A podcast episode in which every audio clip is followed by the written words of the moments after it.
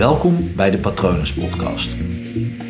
Mijn naam is Paul Vet en in deze podcast deel ik inspiratie voor een leven vol vrijheid en verbinding.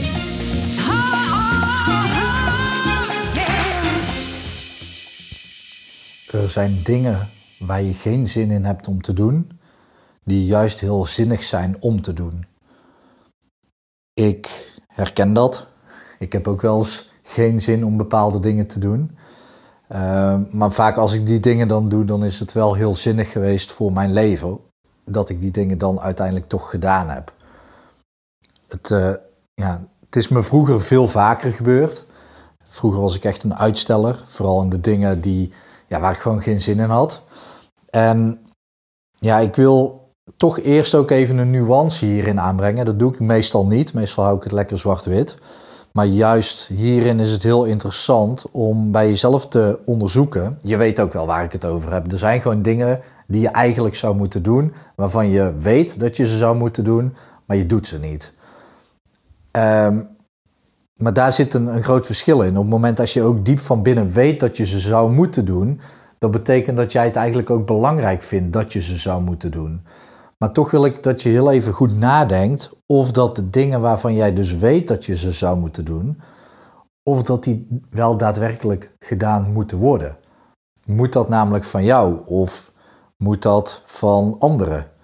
Die kans is namelijk ook aanwezig dat je denkt dat je bepaalde dingen zou moeten doen, maar dat je eigenlijk gewoon ja, gemanipuleerd bent, genurtured bent, zo kan je het natuurlijk beter zeggen dat de maatschappij of je omgeving van je verwacht dat je bepaalde dingen zou moeten doen, terwijl het helemaal misschien geen zak uitmaakt. Zo weet ik bijvoorbeeld dat uh, mijn pa, die, uh, als die op visite komt, die vindt het vervelend als ik een week niet heb gestofzuigd. Zelf, uh, nee, ik heb geen huisdieren.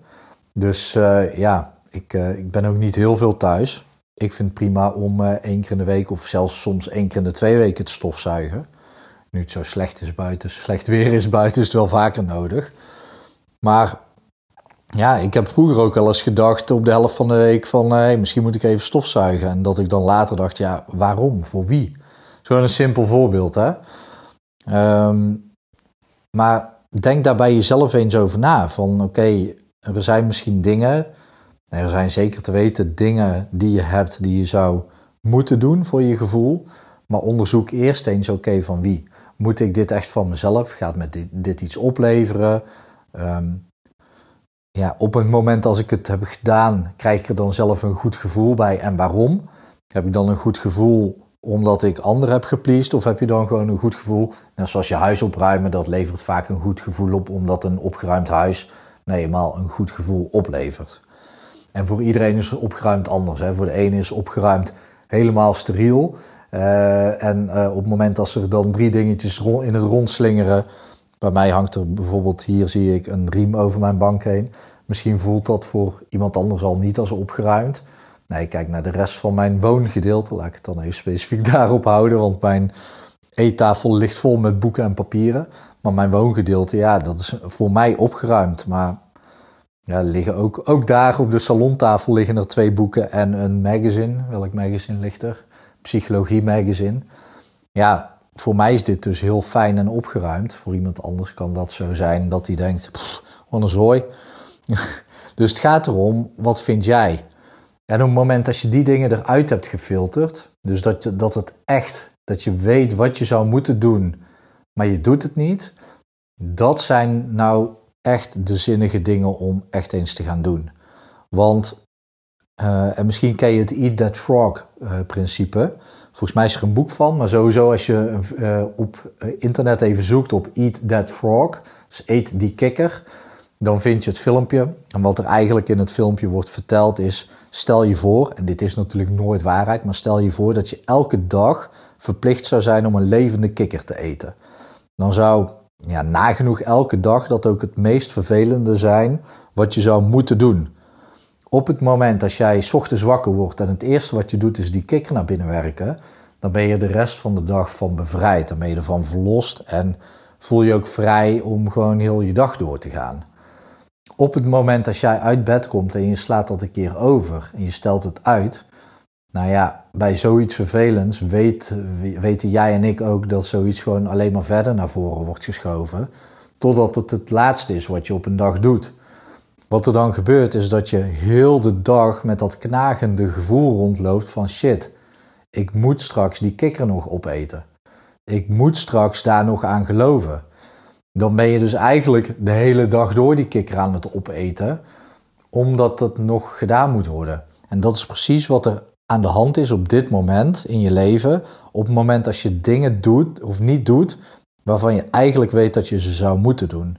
En dat is zonde.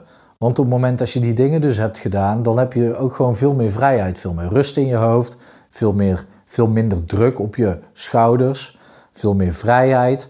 Je creëert ook daadkracht, gewoon die bepaalde energie van oké, dit heb ik afgerond. Want ga maar eens bij jezelf na op het moment als je al langer tegen een klusje aan hebt lopen hikken. En je doet het uiteindelijk, voor, dan voel je je bevrijd.